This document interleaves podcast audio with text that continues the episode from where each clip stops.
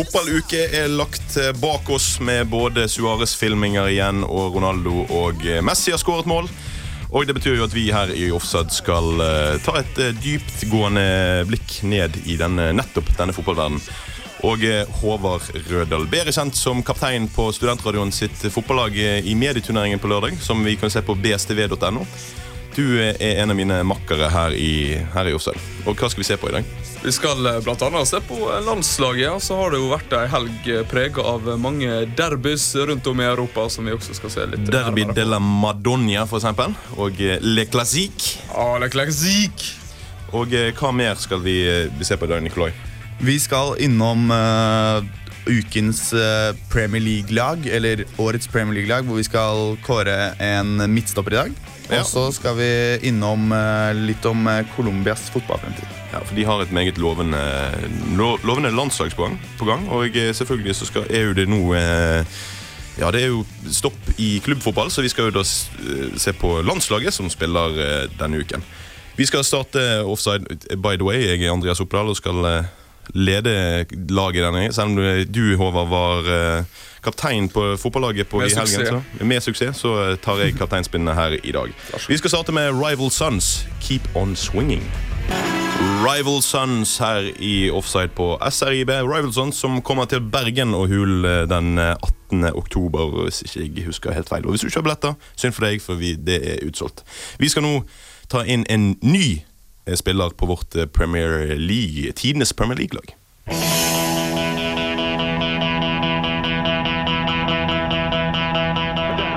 Drogba, who this time is the penalty taker for Chelsea in the final shootout. He's done it! The greatest night in the history of Chelsea Football Club. European champions. They've beaten Bayern in their own backyard. They've found the Holy Grail. Offside. Når det store skjer.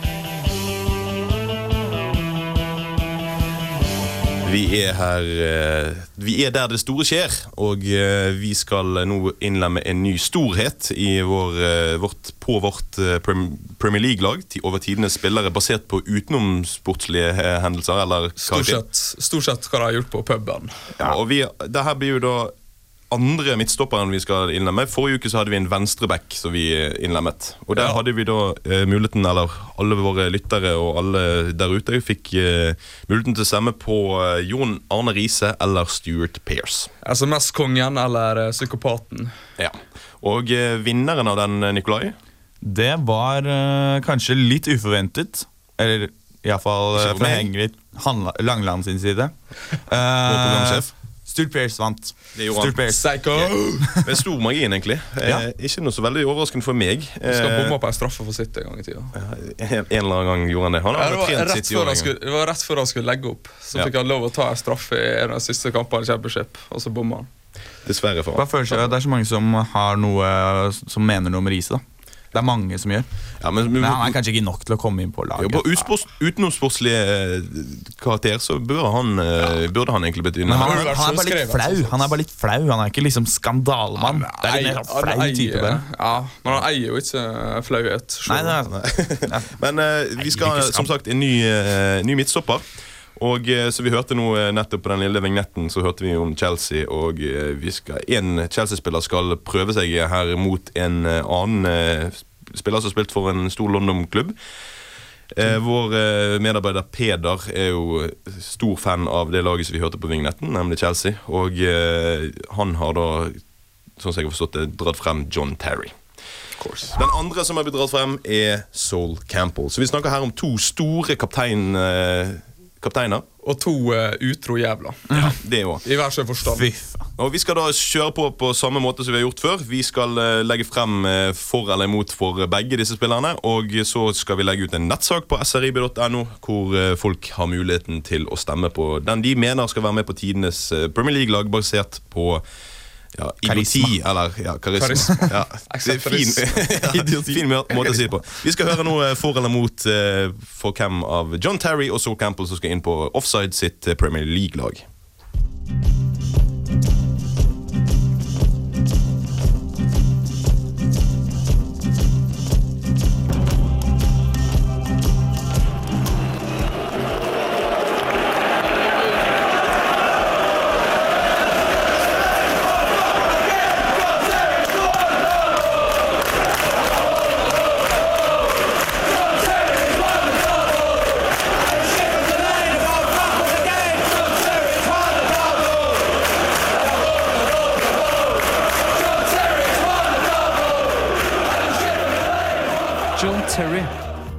Smak på navnet. Følger du med på fotball, har du garantert et forhold til denne mannen. Den vante fotballfan forbinder han med utroskandaler og rasisme. For en ekte blå forbinder man tre ord som står på banneret som for all tid vil henge på The Matthew Harding End på Stamford Bridge, nemlig Captain Leader Legend.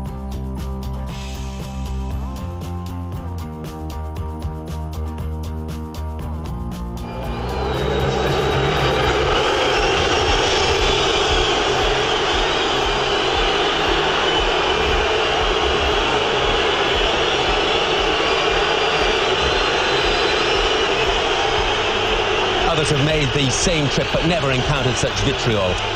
Sol Campbell returning to the ground where he served Spurs so well. Sol Campbell, den gigantiske solguden som fikk Marcel Desailly til å virke som en liten Oxford Street-gigolo. Altså, denne mannen har klart det utrolige, nemlig å bli populær i de to store Nord-London-klubbene Arsenal og Tottenham, og fikk her med seg over 400 kamper for klubbene med kapteinspinnet plantet på bicepsen. Med sin erotiske ro og duellstyrke var dette en mann som selv ble elsket av motstanderne sine supportere. Han fikk også til slutt med seg mektige 73 landskamper for The Three Lions. Terry kom til Chelsea i 1995 som 14-åring fra West Ham. Så Chelsea fikk muligheten til å forme han via sitt eget akademi. Han debuterte på A-laget i 1998 som 17-åring. Etter dette fikk han prøve seg mer og mer. Og i 2000-2001-sesongen ble han kåret til årets Chelsea-spiller av fansen med hele 23 kamper fra start som 20-åring. Sultzer Jeremiah Campbell vokste opp mellom 70- og 80-tallet i det harde jamaicanske kvartalet i Eastern London.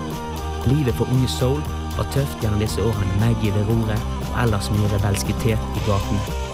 Veikrysset mot Dopad eller Football Legs var med bedre ord like trang som Adriana Limas kropp. Men i motsetning til de andre Jamaica-guttene valgte heldigvis Soul å spille på gresset. I 1988 møtte unge Soul fotballagenten Sky Andrew, og deretter var karrieren i gang. Det hele startet med et lite junioropphold i talentfabrikken Westham. Men dette varte ikke lenge, ettersom den stolte Nord-London-klubben Tottenham trengte sårt en god, robust midtstopper for fremtiden til å tette igjen den eviglekkede springen deres.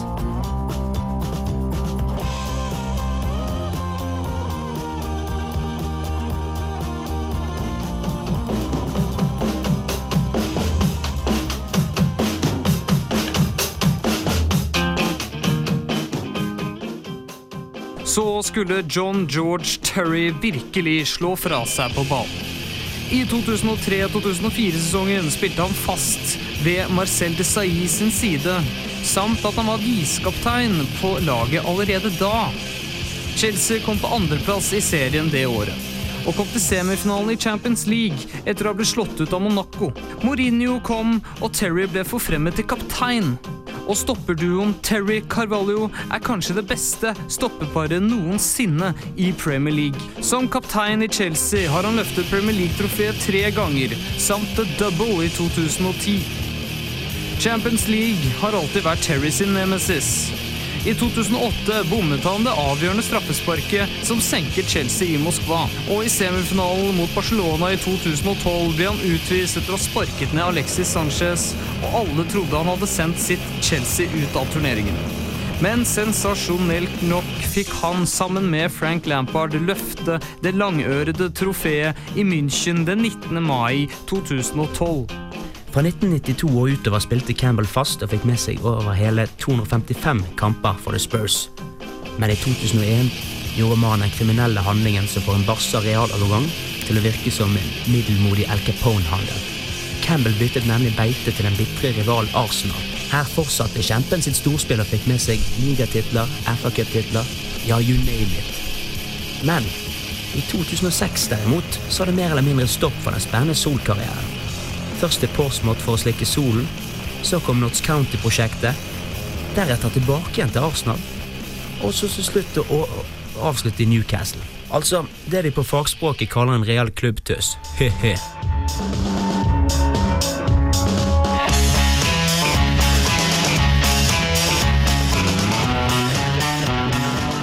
I 2005 ble John Terry kåret til Premier Leagues beste spiller av spillerne. Og han ble kåret til verdens tredje beste spiller av Fifa det året Andrej Sjevtsjenko vant. Terry har ved to perioder ledet England som kaptein, og rakk å få med seg 78 kamper med flagget på brystet før han ga seg på landslaget i oktober 2012. Det utenomsportslige rotet startet tidlig for JT.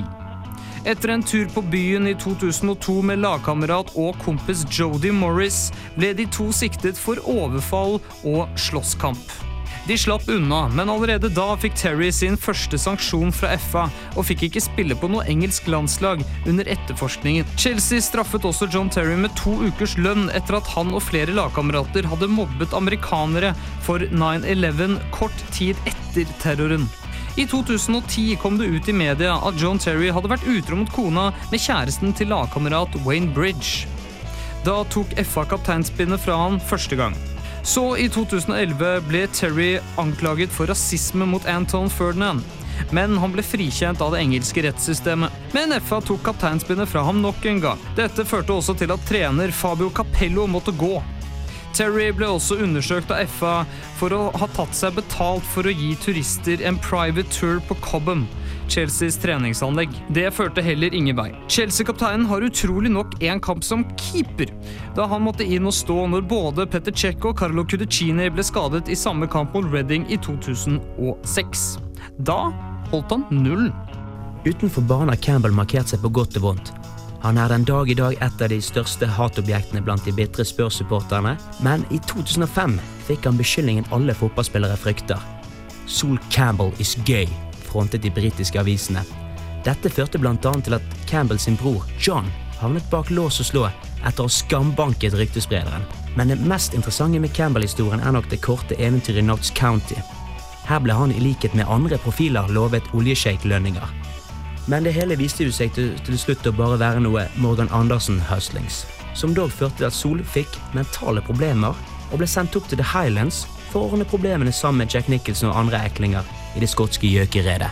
John Terry er muligens Englands beste stopper gjennom tidene, og med konkurranse fra Fabio Cannavaro 2000-tallets aller beste stopper.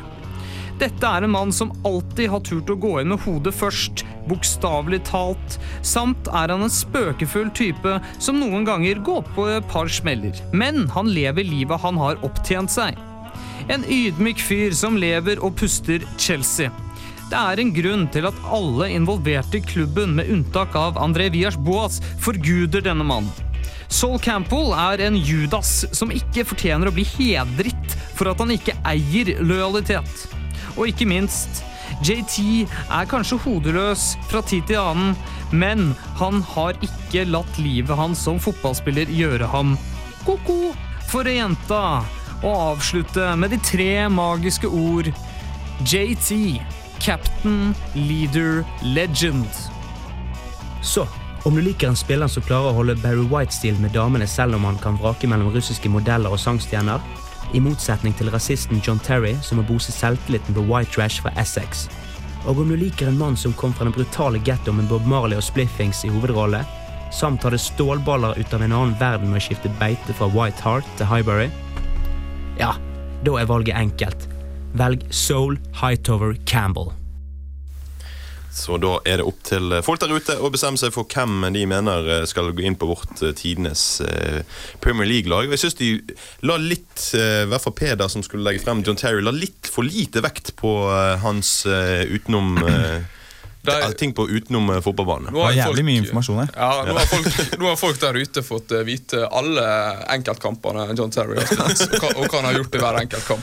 Men eh, det at han eh, lå med Wayne Bridges sin dame og kalte Anton Ferdinand for en eh, Ja, nå skal ikke jeg havne i eh, klammeri med noen, men eh, et N-ord. Det, det var ikke så, så veldig nøye. Nei, at han ødelagte livet til Wayne Bridge. Wayne Bridge kom jo aldri tilbake som eh, god er forsvarsspiller. Det er sant. Han ble ødelagt av det. Han ble psykisk, eh, psykisk ødelagt. Men eh, vi lager altså en nettsak der ute som folk kan, kan stemme på hvem de mener skal inn på vårt eh, Soul, soul, Ja, Stem på Soul, da. Det er opp til folk. Vi skal ikke, det, demokratiet skal få Jeg er ikke nøytral. Jeg er ikke nøytral. På Stem på Soul. Og for folk som, er, som mener at dette her er bare tull, så si sånn som Ellie Golding. I know you Care.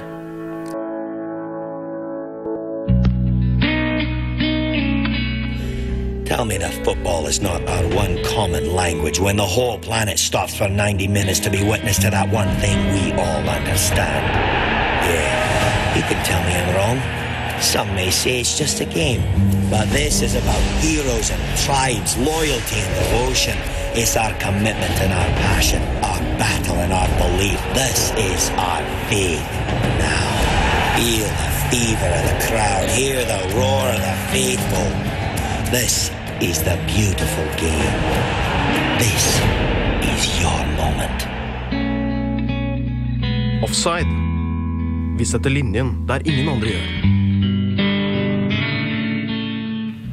Det gjør vi som, som bare det. Og eh, når vi snakker om The Beautiful Game, som vi nettopp hørte der, så, eh, så er jo noe av eh, ja, Noe av det, det, det gode med å være fotballsupporter og like ved spillet, er jo at det et par ganger i året dukker opp noen meget spesielle kamper som, som uansett hvilken tilhørighet du har, eh, kan nyte litt ekstra. Og da Vi snakker jo om også alle disse klassikerne. Og Denne uken har jo blitt spilt eh, blant annet tre store klassikere.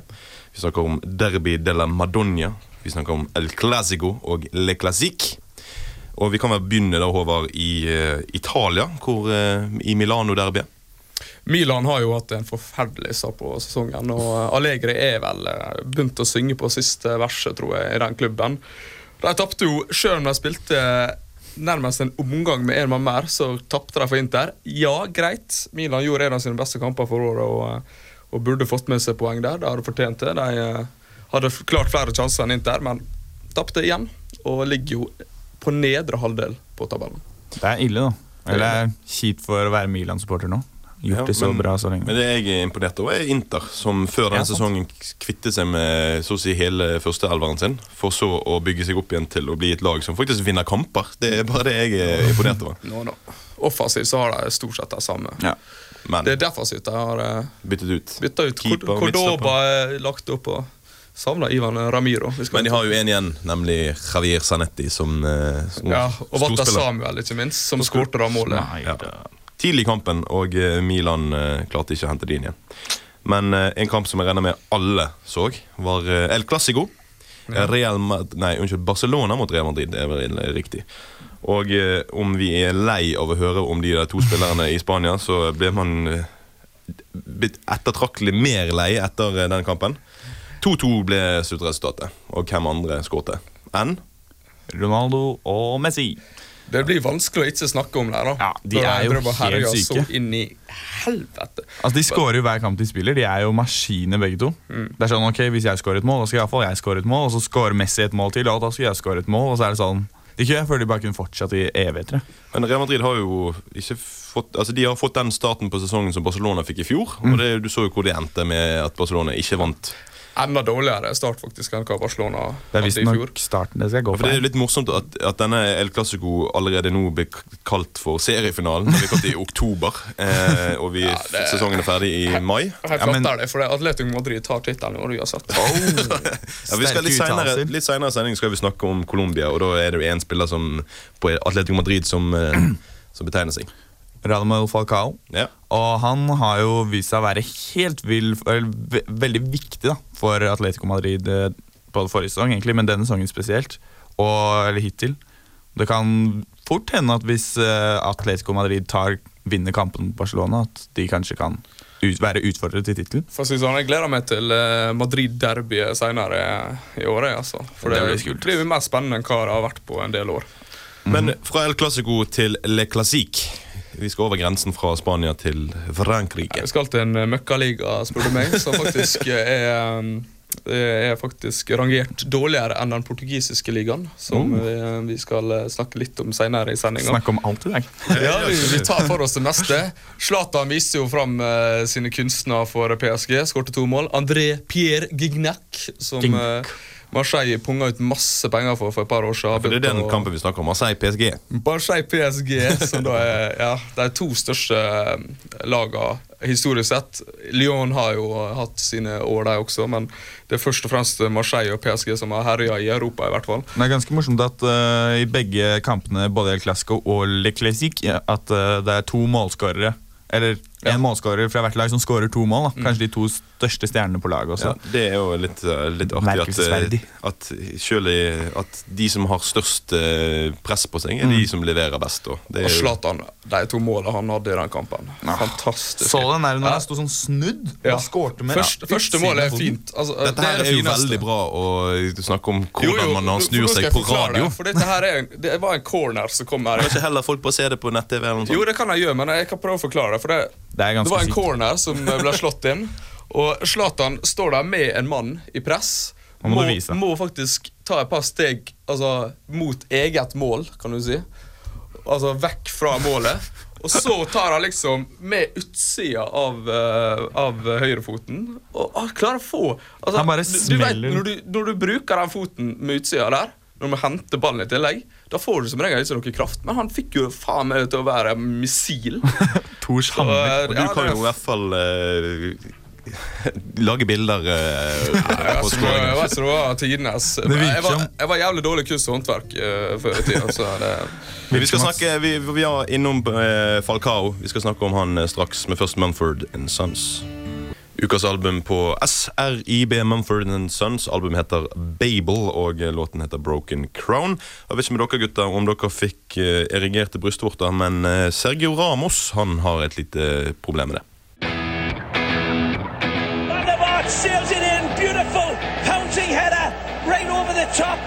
Here, Fazio can't do anything. And Sergio Ramos gets a nipple erection. Like to say I'm excited. I don't know if I'm as excited as he is. 2-2 the score. Hell, that's what his body language was telling me. Offside. Det er lett å la seg bli opphissa av god fotball. Det er det uten tvil, og eh, noe som tar, eh, gjør oss begeistret for tiden, er jo et landslag nede i Sør-Amerika, som vi har nevnt at vi skal snakke litt om nå. sant for narkotika og eh, Ja. Og drap på og drap og Ja, for vi har jo tidligere. Vi har tidligere snakket, snak- snakket om eh, storhetstiden til Colombia på begynnelsen av 90-tallet. Og eh, de var jo, eh, som vi Jeg har jo laget et lite dypdykk i den nye Ja, generasjonen. Men jeg har jo tidligere snakket om Andres Escobar, som jeg husker ble skåret selvmål i VM 94 og ble drept av eh, Ta pass foran når han sørga for at uh, mafiaen der nede tapte jævlig med penger. Hvem kan vel glemme Higuita sitt uh, lille Ja, ja, ja. saksesparkredning i Skorpion- 95 mot England? Ja, vi har jo òg snakket om at den nye generasjonen på vei med bl.a. Falcao.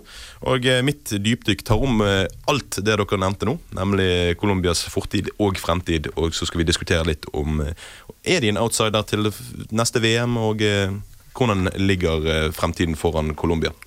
La oss høre litt på mitt dypdykk i Colombias fotballfremtid.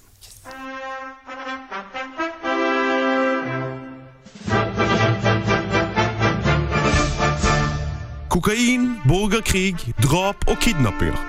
Fire stikkord som karakteriserer landet som innehar det nordligste punktet i Sør-Amerika, nemlig Colombia. Sett med fotballbriller skulle man i hvert fall tro at det ikke kunne finnes særlig gode forhold for oppfostring av store fotballprofiler i et land hvor et femsifret antall mennesker hvert år blir drept og flere hundretalls kidnappet. Men jo da, her driver man talentutvikling i like godt tempo som kokainproduksjon i landet. Og de siste 20 årene har det igjen dukket opp colombianske storheter i fotballverden. Det er 20 år siden fotballen i landet sist blomstret. Med profiler som René Higuita, Andres Escobar og den vandrende mikrofonen Carlos Valderrama. I 1994 var Colombia faktisk outsidere til å vinne VM i USA, men historien ville det annerledes, og det man husker best fra deres deltakelse der, var Escobars selvmål og følgende drap.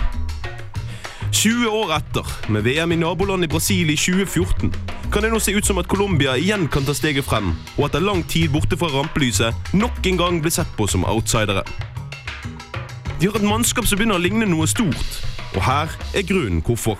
Camilo Zúñiga, sentro del, del Napoli, gol del Tigre, gol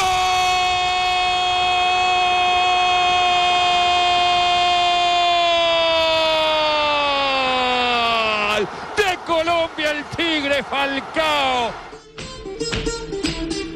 Vi husker alle den berømte skorpionredningen til René Higita på Wembley i 1995. Men etter El Loco og hans rival på den tiden mellom Colombias stenger, Oscar Cradoba, har vi ikke hørt mye om deres siste skanser. Nå derimot har de eksportert en ny lovende målmann til fransk fotball. David Ospina, som til daglig vokter NIS sitt mål, blir av mange sett på som en ny Cordoba og Hegita. Noe han allerede har bevist med å bli den nest yngste førstekeeperen Colombia noen gang har hatt. Og i mine øyne er Ospina en av de mest undervurderte toppkeeperne i Europa akkurat nå. Foran Ospina finner man både rutine og potensielt stort talent. Fire av de mest populære forsvarsspillerne som trener José Pekermann har brukt, spiller alle i toppklubber i Italia. Og den som det kanskje er viktigst å trekke frem, er Milans Christian Zapata. Han har allerede fått vist sine styrker i Udinese og Villarreal, der han allerede som 19-åring spilte 35 Serie A-kamper for førstnevnte i sin første sesong. Stjernen på midtbanen holder som Christian Zapata for tiden til i Milano, bare at han ikler seg blått og svart. Freddy Guarin er bare 26 år, men har i nesten ti år allerede vært et navn som mange fotballinteresserte har kjent til. Som det kanskje største talentet på Football Manager for noen år siden, ble Guarin fremhevet som en av de mest lovende på fotballmarkedet på den tid. Men ikke før i 2008 ble han fast invitar i en europeisk storklubb.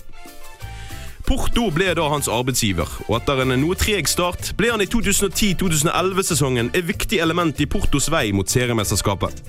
I sommer reiste han til Milano og Inter på lån for å erstatte Tiago Motta, som gikk til PSG. Og han har allerede fått vist noe av grunnen til at de nettopp valgte han. Zuniga. The shot is in! And it's that man, Radamel Falcao! You just cannot this man off the score sheet at the moment. The most sought after striker in world football strikes in the opening exchanges. And what a crisp finish it was! Men selve rosinen i pølsen, kokainlinjen i champagnerus, kulen i panen på en politisk motstander, eller om du vil, en chiquita-banan etter en treningsøkt, finner man alle i Colombias angrepsrekke. I disse tider snakkes det både opp og ned og i mente om Cristiano Ronaldo og Lionel Messi. Men i bakgrunnen av de to lurer en colombiansk målmaskin som ødelegger nattesøvn til vel så mange forsvarsspillere som de to nevnte, nemlig Radamel Falcao. Hans skåringssnitt i henholdsvis Porto og nå Atletico Madrid ligger omtrent på ett mål per kamp. Og det kan ikke levnes mye tvil til at Falcao vil bli en av VM i 2014s store profiler. Men til tross for hans enorme repertoar, så er han ikke alene på topp. Stortalentet James Rodriguez, eller James Rodriguez som det egentlig uttales, og Jackson Martinez danner de sammen med Falcao en angrepsrekke som uten tvil kan måle seg med rivalene Brasil, Argentina og Uruguay. I tillegg er denne angrepsrekken ganske ung fortsatt, så mye kan også bli lagt til rette for at Colombia går forbi sine rivaler på dette området. Det finnes altså styrker i alle ledd hos Colombia, og i mine øyne ser de på papiret ut som et av de mest spennende landslagene å følge de neste årene. Kanskje sammen med Belgia. Om trener Pekermann klarer å dra sitt talentfulle lag i riktig retning, gjenstår å se, men grunnlaget for suksess er til stede, og det ser allerede lovende ut. La oss bare håpe at denne gullgenerasjonen ikke lider samme skjebne som den for 20 år siden. Slike sydhavstoner er vel eh, får jo deg til å vrikke på rumpen. Rødal. Har Og, strippa til den sangen der. og lar eh, et slikt fotballag også få deg til å vrikke litt på, på stumpen. holdt på å si. Jeg har alltid vært svak for Colombia. Alltid vært svak for eh, FARC-geriljaen. Uh, vært svak for uh, Ja, og de hadde jo et lag på 90-tallet med Aspria. Du nevnte jo et par stykker, du også. Freddy Ricon. De hadde masse gode spillere. Det er et veldig Eh, lite land. Det er veldig kult. Ja, det, det er kjempe, og nå har de liksom ikke vært med i noe stort mesterskap eh, siden 1998. Samme som Norge. Riktig. Samme som Norge. Så vi er håper at både Norge og Colombia kommer seg til VM. Kanskje i samme i gruppe? Ja, det hadde vært det. Og jeg tror Colombia kunne herja på eget kontinent i 2014 i Brasil. eh, For de har et lag Altså, de ligger på andreplass nå i, eh, i, play, i kvaliken i Sør-Amerika.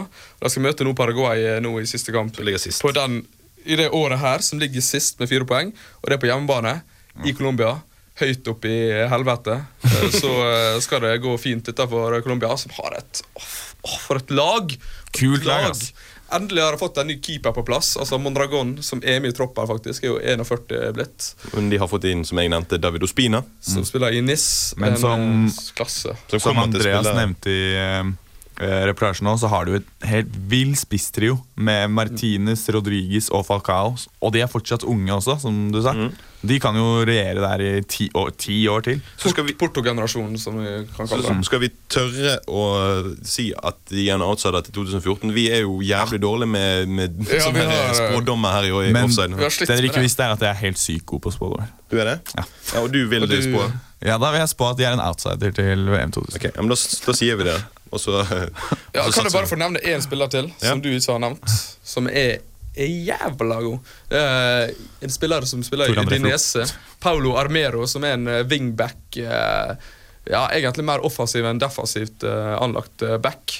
Meget, meget god. Vi har Jon Arne Riise. De har en spiller som er 40 ganger bedre. Ja, ok, da, da, det blir siste ord om, eh, om eh, Colombia. Så hører vi Two Door Cinema Club med Wake Up.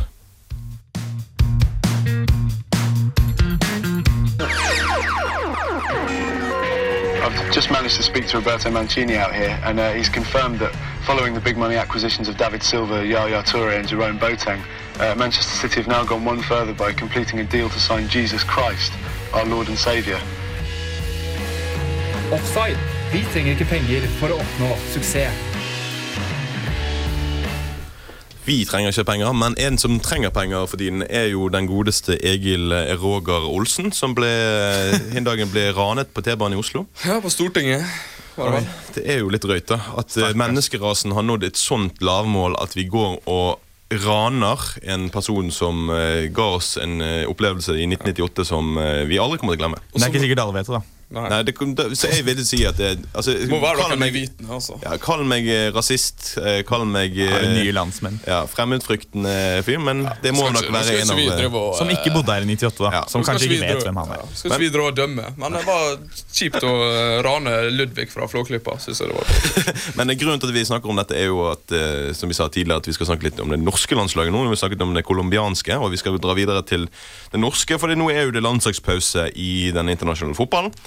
Og Norge skal eh, fortsette sin eh, ferd, eller ikke ferd, mot eh, VM i eh, 2014. Jeg føler kanskje det ligger an til null poeng ja, jeg de kjenner- to kampene. nå. Jeg kjenner at jeg ikke er så gira som jeg var på 90-tallet på de der landskampene. Altså når vi skal møte Sveits, som liksom går for å være det beste laget i gruppa Jeg- Vi går for å være kanskje det dårligste nå for tiden. Jeg vet ikke. Så er litt Men media er jo veldig glad i å, å kalle oss verdens beste lag. Eh, og blir, blir så oppgitt og overrasket hver gang vi taper.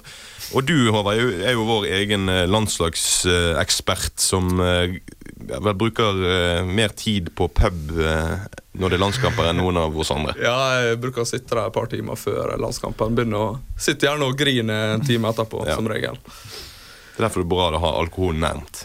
Ja. Men hva er dine tanker om veien videre nå til VM? Jo, for det, Vi har jo et landslag nå som strengt tatt er og det er jo de fleste enige om, dårligere enn hva det har vært på ufattelig mange år. Og eh, jeg syns Drillo begynner å ta ut litt feil spillere også. Nå ble jo heldigvis Bjørn Helge Riise skada og måtte trekke seg fra troppen. Så. Berisha får kanskje spille på den indreløperposisjonen her. Og så får eh, forhåpentligvis Joshua King starte på topp, nå som Moa er ute. Sørdalund eh, altså en, en eh, svensk lookalike det gidder ikke være på topp. Men en spiller de burde hatt med, som uh, burde vært med på kant, er jo Liban Abdi.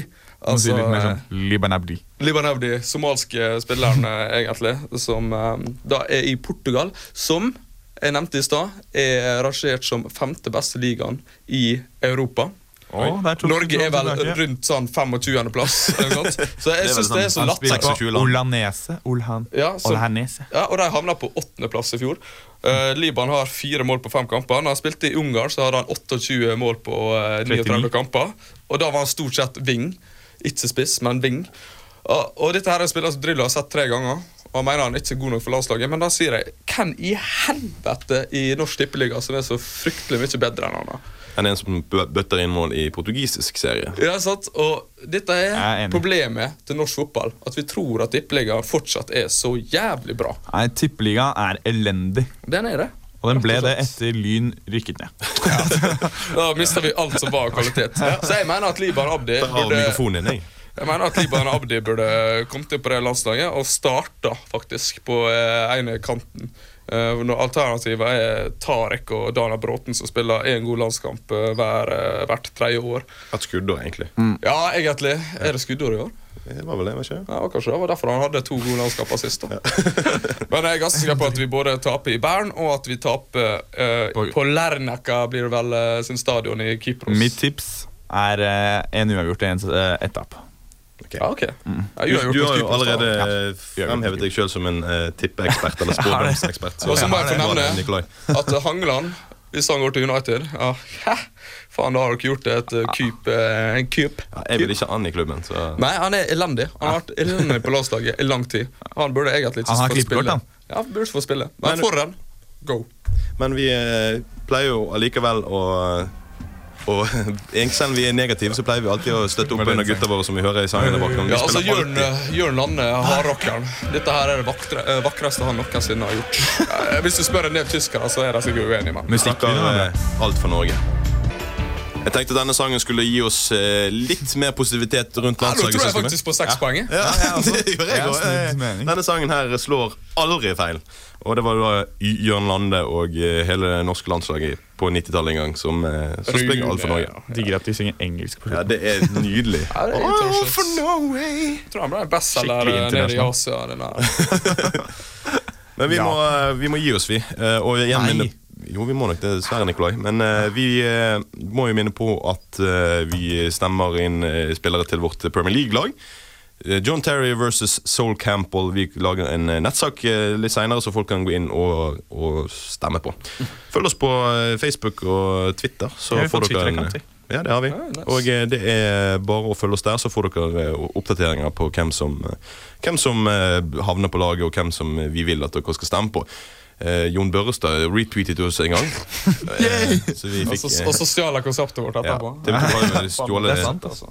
Det Ikke tull. Skal invitere han opp hit og gjøre han litt juling. Ja, skal vi gjøre det, altså. Vi må jo da takke Peder eh, Tålersrud, som eh, ville la frem sitt hele hjerte for John Terry. Og Erik Lavik, som, Som- eh, tok saka for Saul Campbell. Jo veldig merkelig at Terry deg også, Andreas. Ja, for Jeg laget jo et lite dypdykk i colombiansk eh, fotballfremtid. Som spiller mot Paraguay den 12., altså på fredag. Så følg med, så ser vi om spådommene våre eh, slår til. Vi har jo, jeg tror vi har bommet på samtlige spådommer vi har kommet med de årene vi har eh, eksistert. Har vel ikke eh, Men i dag har vi, i dag har vi en del spådommer. Nå skylder vi på Nikolai hvis det ikke. Ja. Takk til, takk til dere to, eh, Håvard og Nikolai, for å ha vært mine og vår eh, produsent. Takk. Overprodusent eh, Sebastian Silva. Vi avslutter med Jon Olav Nilsen og gjengen.